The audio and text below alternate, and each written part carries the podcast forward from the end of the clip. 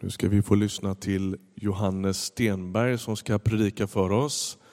Och jag är så glad att du är här. Så glad för det vi är med om tillsammans. Johannes är församlingsplanterare i Skäggetorp och pastor i Nygårdskyrkan som vi har fått den stora glädjen och nåden att få vara med på ett hörn kring som moderförsamling. Vi är väldigt glada för det. Glad för vänskap, glad för ett gott exempel. Johannes är en heligt enkelspårig apostel som älskar att se nya människor få höra om Jesus. Och jag är väldigt glad över den här relationen. Nu ber vi för dig. Tack. Tack Jesus att du ska använda Johannes just nu. Vi tackar dig för vad du gör i hans liv. Vi tackar dig för Nygårdskyrkan. Vi tackar dig för alla människorna som bor i Skäggetorp och som du vill nå med budskapet om att du älskar. Vi ber vi för den här förkunnelsen. Tala med oss Jesus. Låt orden få liv. Öppna ordet för oss och öppna oss för ordet. Amen.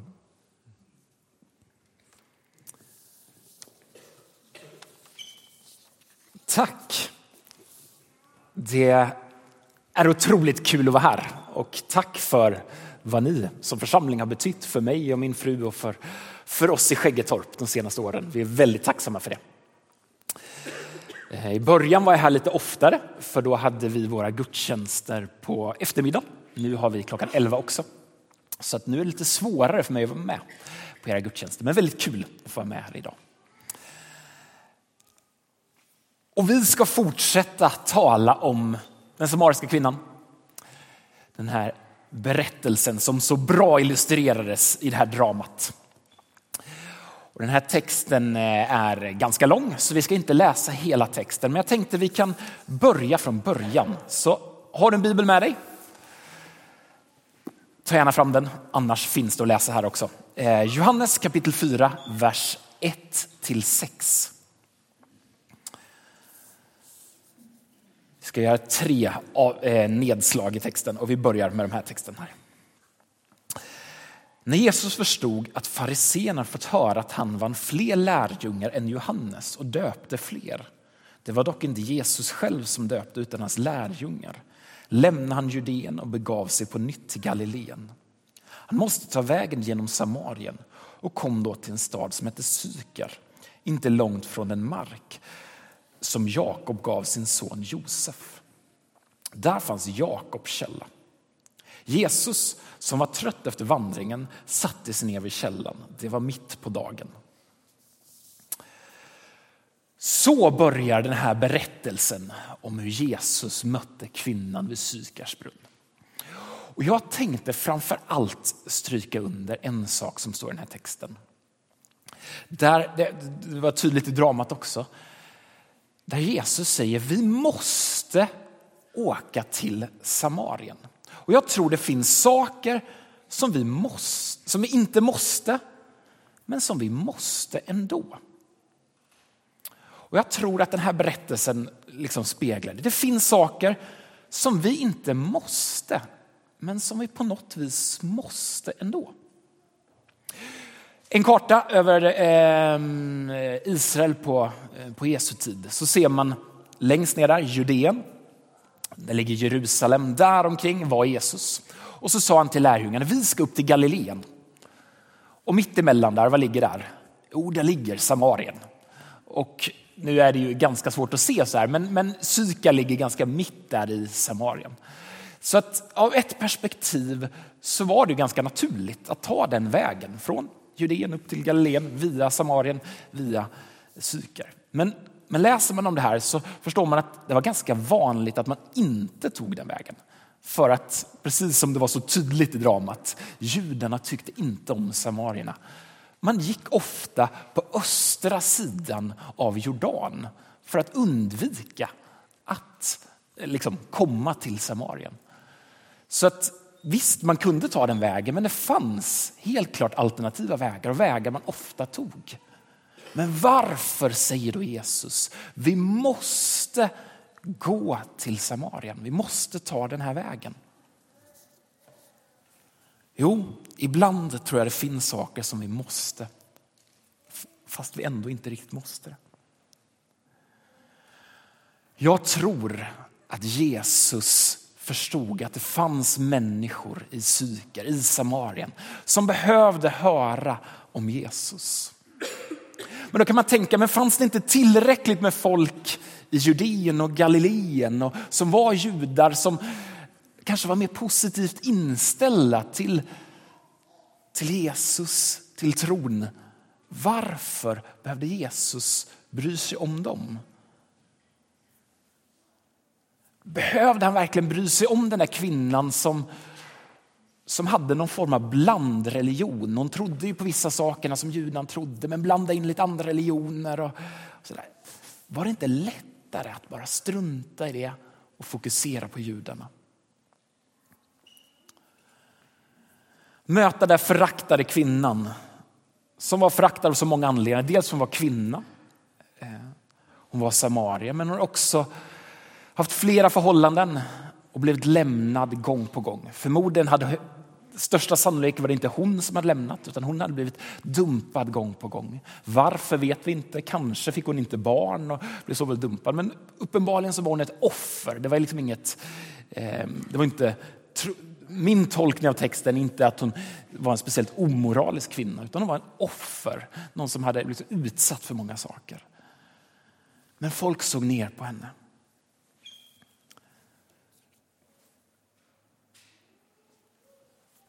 Och Jesus, för Jesus var det ett måste att möta den här kvinnan, möta samarierna. Vilka måsten finns det för oss?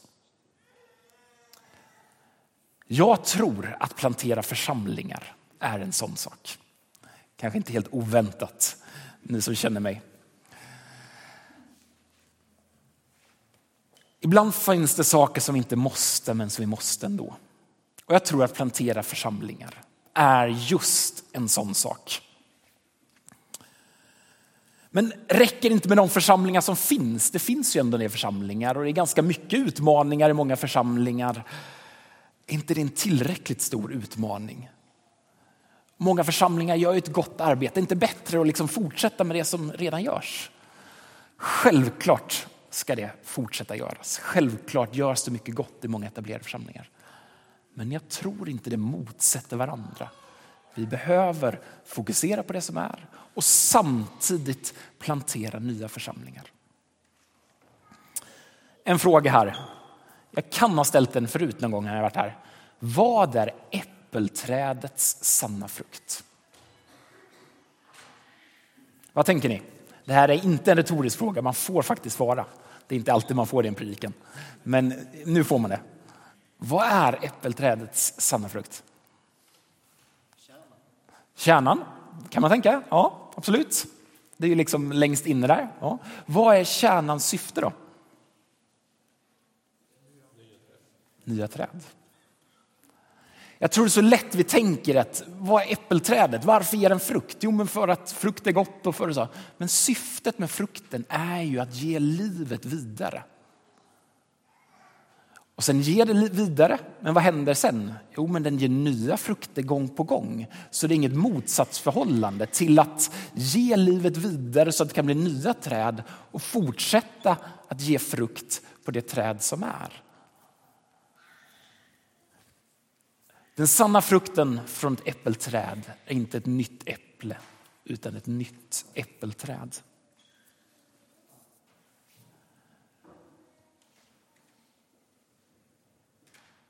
Vi behöver fokusera på att den frukten som finns här också ska få sprida sig till fler. Till fler miljöer, till fler ställen. Vi ska få se en karta nu. Det är alltid lite lurigt med såna här kartor, men, men jag tar risken får vi se om det här eh, missuppfattas, eller ja, inte missuppfattas. Här är en karta över Linköping och så har jag satt ut lite prickar. Prickar där det finns frikyrkor. Självklart finns det fler kyrkor i Linköping. Självklart finns det jättemånga bra kyrkor. Det finns ortodoxa kyrkor och katolsk kyrka och Svenska kyrkan och så vidare. Det är liksom ingen tvekan om det. Men nu är vi en frikyrka så därför så lyfter jag fram det. Inte för att annat inte är bra. Men om vi ser det här Linköping och funderar på men var finns eh, kyrkorna så är det ganska tydligt att de allra, allra flesta församlingar finns ganska centralt. Ryttargårdskyrkan ligger lite utkanten av det centrala. Kupolen eller Pingstkyrkan ligger också lite utkanten av den. Och så är det liksom den, den bergaplanteringen, en liten plupp där liksom på gång. Nygårdskyrkan finns där i Skäggetorp. Men i ganska stora delar av Linköping så finns det ingen frikyrka. Ta till exempel södra delen av Linköping, där, söder om Berga.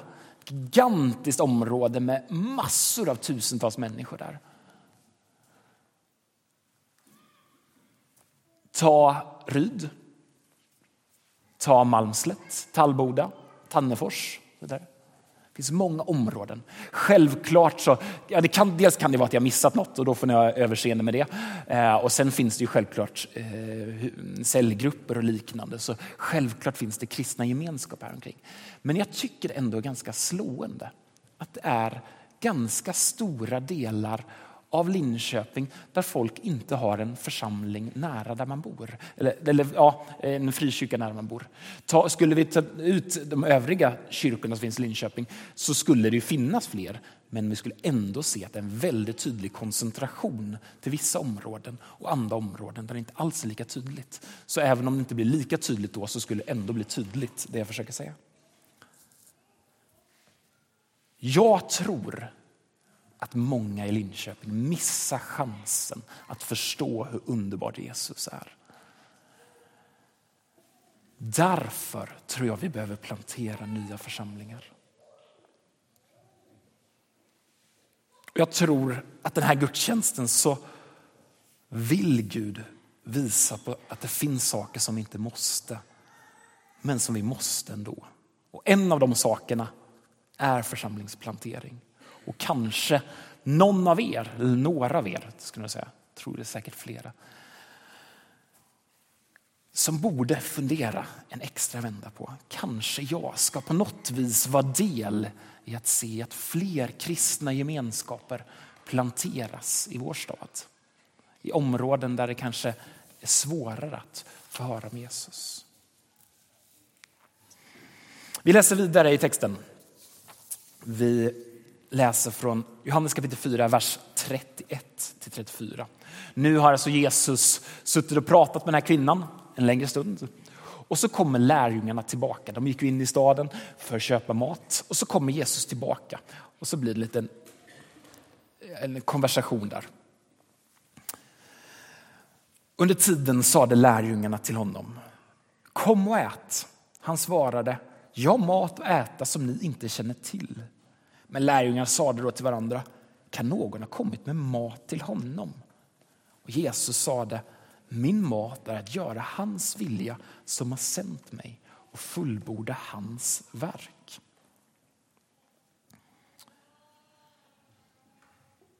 Lärjungarna kommer alltså och ska ge Jesus mat. Han säger, ja, men jag är redan mätt, jag har fått redan mat. Och bara, vem har gett dig mat? Men så säger Jesus, men jag har mat som ni inte känner till. Det finns mat att äta som ni inte känner till, säger Jesus. Vad är det då för mat? Ja, skulle vi tala om vad är det som ger oss liksom andlig energi? Vad är det som gör att vi växer andligen? Så skulle vi kanske de två snabbaste svaren förmodligen vara läs Bibeln och be. Det är liksom det. Att vara del av en kristen gemenskap. Det är liksom våra standardsvar. För vad är det som bygger upp oss andligen? Men det verkar inte vara det Jesus gjorde. Han verkar inte sitta där och be, han verkar inte sitta och läsa Bibeln. Han verkar inte liksom ha ett lovsångsstund där. Nej, vad gjorde han? Han säger min mat är att göra hans vilja som har sänt mig och fullborda hans verk. Att göra det bygger upp oss på ett sätt som jag tror att eh, på ett annat sätt än bibelläsning och bön. Självklart behövs det också. Det finns inget motsättning i det. Men ibland betonar vi det och kanske glömmer bort att det finns även andra sätt att få andlig uppbyggelse. Om inte vi ger ut det vi har fått så tror jag inte att vi andligen kommer växa så mycket.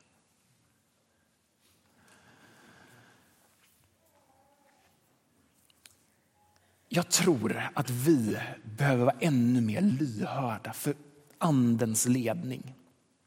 Hans maningar till oss.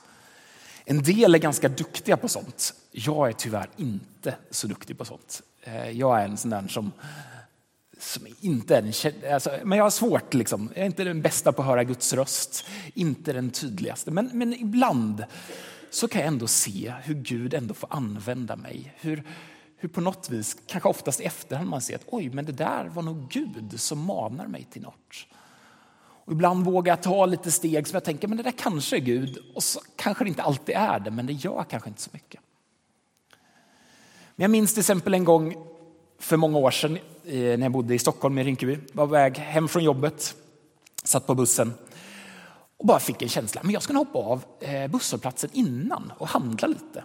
Och jag hade liksom egentligen ingen anledning varför jag skulle handla, men kände att ja, jag ja, ska göra det. Så jag, visst, jag hoppar av och så, och så kom jag upp på Rinkeby torg. Ni får se torget här, hur vackert det är. Jag bodde där i åtta år, så det ligger mig väldigt varmt om hjärtat, det där torget. Så kom jag upp där och så kom en, på en gång kom en man emot mig och vill prata med mig. Och han är inne i en livskris och bara liksom hoppar på mig. Han har nog hoppat på ganska många innan mig, misstänker jag. Men, men han hugger tag i mig. Och så får vi prata. Eh, jag bjuder hem honom, vi sitter och, och käkar och han eh, får sova över hos mig Eh, och går iväg nästa dag med nytt ljus, med nytt hopp, med ny glädje. Det är inte så ofta jag får med om sådana saker, verkligen inte. Men jag tänkte ändå berätta den, av liksom den där, för att illustrera det här. Liksom, jag förstod inte att det var Gud som manade mig att hoppa av bussen. Det var inte alls tydligt på något vis. Men jag valde ändå att på något vis göra det, det jag tänkte kanske... Eller jag valde ändå att, att lyssna på den liksom inre rösten eller vad man kallar det. Och det blev väldigt bra. Och jag tror säkert ni har många sådana erfarenheter också. Där anden har manat och vågat gå. Och man känner men det här är ju det bästa som finns. Den här glädjen, den här tillfredsställelsen, att få vara i Guds vilja, att få göra det Gud vill. Finns det någon bättre plats att vara på?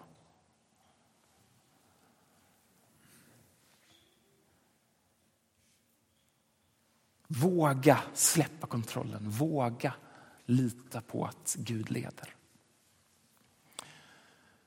För drygt sex år sedan när jag och Noomi bodde i Rinkeby så började det gnaga i oss. Vi kände att det fanns saker som vi måste göra. Ur ett perspektiv kanske inte egentligen måste det, men, men Gud manar oss. Och vi kände att vi var tvungna att flytta, lämna den platsen som vi trivdes väldigt bra i. Den församlingen som var hem för oss, de vänner vi hade. För att flytta till Skäggetorp med drömmen och längtan av att få se en församling planteras. Eh, det var lite läskigt, men vi kände ändå att det här är nog Gud. Vi var inte så att vi var 100% säkra, inte alls. Men det häftiga var att när vi tog det steget så var det många andra som sa, inte minst här i Ryttargårdskyrkan, men det här har vi bett för. Vi tror att ni är ett svar på våra böner. Vilket var en enorm uppmuntran för oss. Men en uppmuntran kom när vi vågade gå på det vi trodde var rätt men som inte var glasklart för oss.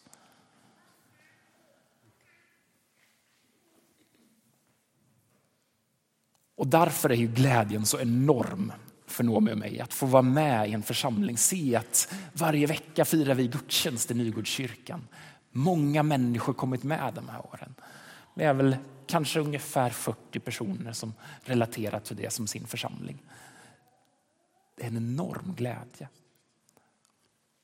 Så våga gå på det Gud känner. Och jag vill uppmuntra dig att om du liksom funderar på, men kanske jag borde ta ett, ett nytt steg. Jag vet inte riktigt på vilket sätt, men kanske på något vis. Så är en kurs här som jag vill rekommendera, pionjärträning. Jag ska inte prata mycket om det, men jag nämner den ändå.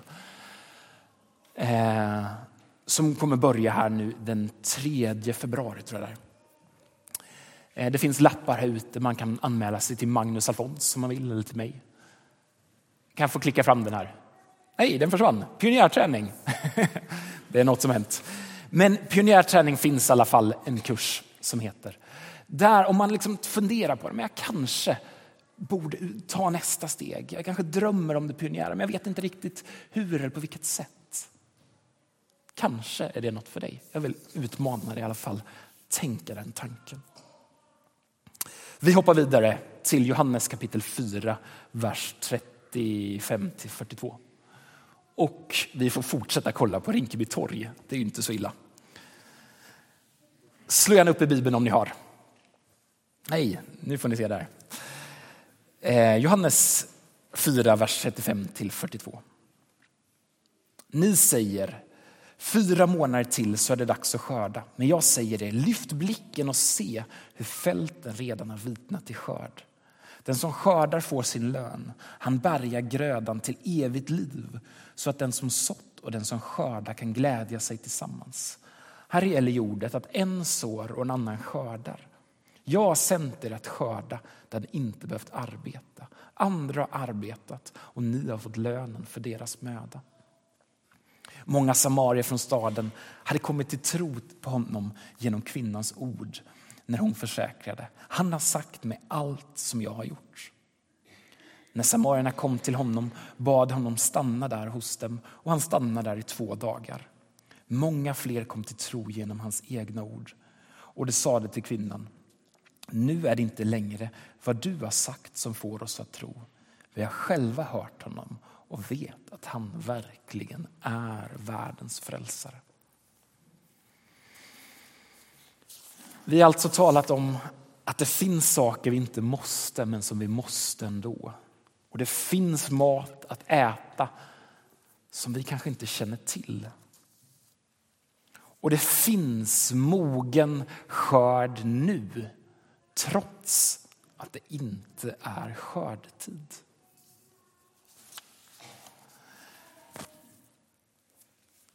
En gång i den här texten så hade Jesus och lärjungarna lite olika perspektiv. De såg på saker på olika sätt.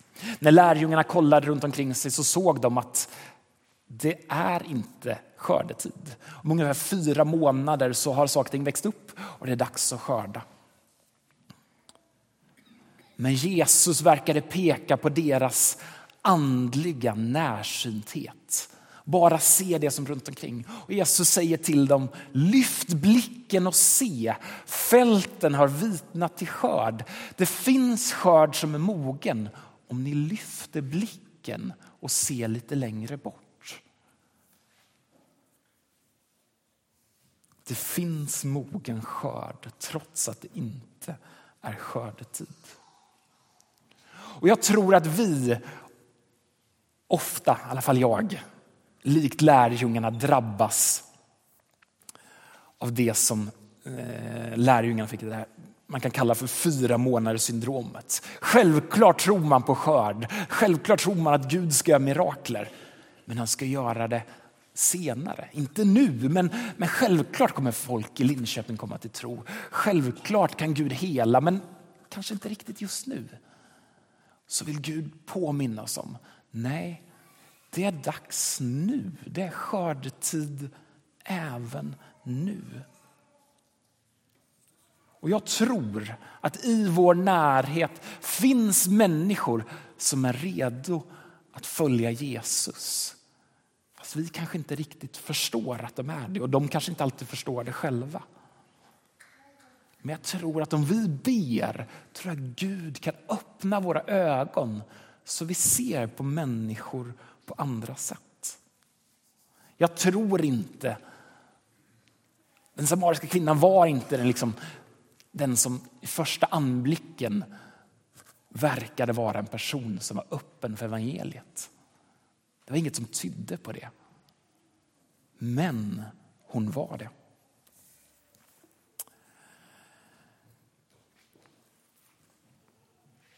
På tv talas det väldigt mycket om Mellanöstern i dessa dagar. Väldigt hemska bilder på många sätt. Ska vi se om det kommer upp något. Där kommer det. Eh, vi ser rapporter om IS. Vi hör om bombade städer. Vi hör om flyktingar som flyr. Det här är fruktansvärt. Jag vill inte förringa det på något vis. Men jag vill ändå måla en alternativ bild. Vad är det som händer i Mellanöstern? Jo, evangeliet har framgång på många sätt. Vad är det som händer? Jo, när IS intar byar, när folk ser den här misären så är det många människor som vänder sig bort från islam. För de ser att om det här är islam, ja, men då vill jag inte följa det. En rörelse och att många vänder sig bort från islam och den tron. Och vad händer? Jo, det uppstår ett andligt vakuum. Det som innan var så självklart är inte längre självklart. Och Gud kan komma och visa sig. Och många människor möter Jesus i drömmar, får se honom på olika sätt. Eller kanske genom kristna tv-kanaler. Så plötsligt blir man mottaglig för Jesus. Tack vare att man ser allt det hemska som händer runt omkring. Det är en otroligt spännande tid vi lever i. När onådda folk kommer till oss, flyttar in i våra trappuppgångar. När människor som kommer från länder där det är svårt att höra om Jesus plötsligt är våra grannar. Vi möter dem i affären, på språkcaféer, på olika ställen. Och jag tror att vi behöver finnas där för att möta dem med evangeliet. När det andliga vakuumet uppstår, när man kanske lämnar islam och man inte riktigt vet vi ska komma. Då behöver vi som kyrka, vi som kristna finnas där. Vara trogna vänner som visar på Jesus i vardagen. Som visar på vad det är att följa honom. Låt oss inte missa det Gud gör. Det finns mogen skörd nu trots att det inte är skördetid. Och jag tror det gäller inte minst mot alla de som kommer till Sverige just nu från Mellanöstern. Låt oss inte missa det perspektivet på den enorma kris och humanitära kris som sker. Vi kan ju självklart inte producera skörd, det är bara Gud som kan ge skörd. Men det verkar ändå som att vi kan missa skörden trots att det är Gud som ger den. Och jag tror att vi behöver förbereda oss för den skörd som Gud vill ge. Vi behöver vara redo för det Gud gör. När vi började med Nygårdskyrkan, när vi kallade oss för Skäggetorpsgemenskapen i början, var vi runt tio personer. Då började vi lovsjunga Gud på arabiska. Eh, många gånger i början så var det ingen arabisktalande med i vår gemenskap. Men vi började sakteliga sjunga på arabiska ändå. Som en profetisk handling mot att, för vi ville vara en mångkulturell församling. Vi ville att muslimer skulle få möta Jesus och kunna sjunga till honom på sitt språk. Och då förberedde vi oss för det vi trodde skulle komma.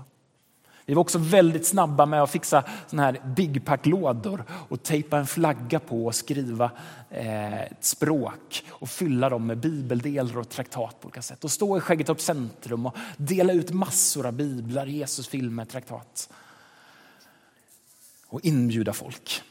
Ibland har det varit väldigt spännande samtal. Ganska ofta har det inte varit så spännande samtal, men vi har stått där. Vi har gjort det vi ska. Och de gånger man får spännande samtal så ger det väldigt mycket energi. En av gångerna vi stod där var i oktober. kom en man fram till oss, en ganska ung man från Bagdad. Ganska ny i Sverige. Eh, och han var nyfiken, vi hade mött honom någon gång innan. Men, men så berättade han jag har mött Jesus i drömmar, först i Irak och nu i Sverige. Han kom med på vår gudstjänst och har sedan dess kommit på allt vi har gjort. Oavsett om det varit bönesamlingar eller om det har varit ja, eh, smågrupper eller språkcafé eller gudstjänst eller vad det är. Den kanske mest trogna i vår församling just nu är den här mannen. Han var redo. Han hade mött Jesus. Det enda som behövdes var att vi som församling fanns där och välkomnade honom in i vår gemenskap. Läste Bibeln tillsammans med honom och lärjungatränade honom. För han var redan mogen för skörd. Första januari fick vi döpa honom. Det var otrolig glädje. Att få se den förvandling som är och bara se hur hans liv är så annorlunda. Jag tror att det finns många som är redo för skörd. När jag talat idag kanske du känner att det här predikan var kanske inte riktigt till mig. Eh, någon kanske känner så. För man kanske känner att jag är ju kanske inte riktigt en församlingsplanterare. Jag är ju kanske inte riktigt den där evangelisttypen. Eh, eller jag kanske inte är så mycket av en ledare. Jag tror säkert flera av er tänker så. Men då är det ganska intressant den här texten att se Jesus, hur han sitter där på bänken bredvid den här samariska kvinnan. Eh, nu läste vi inte hela den texten, men gör det hemma. Och Jesus var ju inte speciellt sökarvänlig när han satt där. Han, det enda han gjorde egentligen var ju att svara på frågor. Jag tänker det är ganska uppmuntrande för oss. Han var ingen pushig evangelist, utan han satt där, pratade med den här kvinnan och det var det som behövdes för att hennes liv skulle förvandlas. Jag tror att vi alla kan göra det. Den här kvinnan, det var nog inte många som såg henne som en ledare. Men vad fick hon göra? Hon fick leda många till tro. Hon fick vara den som folk följde efter, tog med dem till Jesus. och De fick ett nytt liv. En kvinna som förmodligen inte trodde så mycket av sig själv, som kände att livet var ett kaos. Hon fick lägga grunden till en kristen gemenskap i den staden. Och om Gud kunde använda en sån som den här kvinnan, då är det rätt uppmuntrande för oss också. Då tror jag Gud kan använda oss till att vara med att bygga Guds rika, till att plantera församlingar där vi är. Vad har vi nu sagt? Jo, det finns saker som vi inte måste, som vi måste ändå. Det finns mat att äta som vi inte känner till. Det finns mogen skörd nu, trots att det inte är skördetid.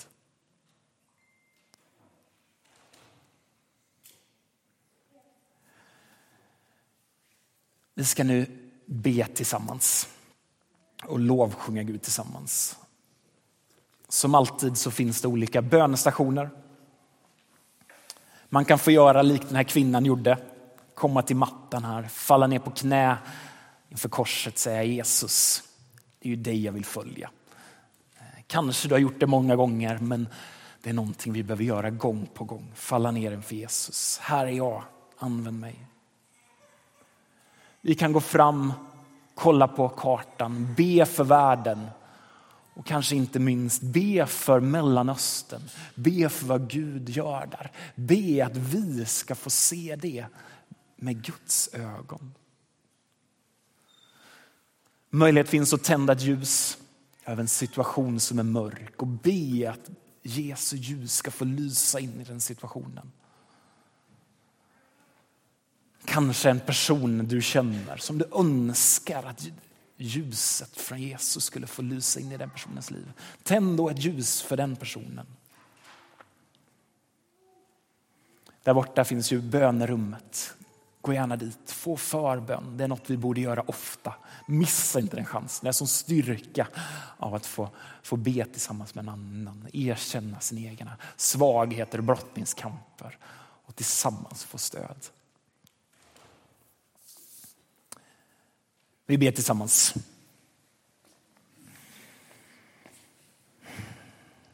Tack älskade Jesus att vi har fått möta dig. Tack Jesus att du förbarmar dig över den här kvinnan som vars liv var ett kaos. Och tack att du vill möta oss i vårt kaos, i våra brottningskamper, mitt i de synder vi brottas med, mitt i de tankebyggnader vi kan ha. Tack att du vill komma med ditt ljus. Och tack att du vill använda oss, du vill utmana oss att se kristna gemenskaper planteras runt om i vår stad. I Östergötland, runt om i vårt land. Använd oss. Låt Ryttargårdskyrkan få vara en församling som gång på gång får sända ut folk. Jag ber för den här kursen, pionjärträning, att många ska få, få gå den och bli tränade för att på olika sätt göra dig känd.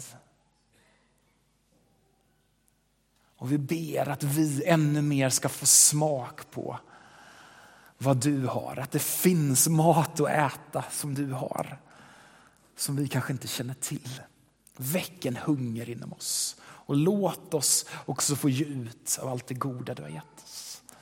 Låt oss inte hålla det för oss själva. Hjälp oss Gud. Tack Gud att du är här just nu. Amen.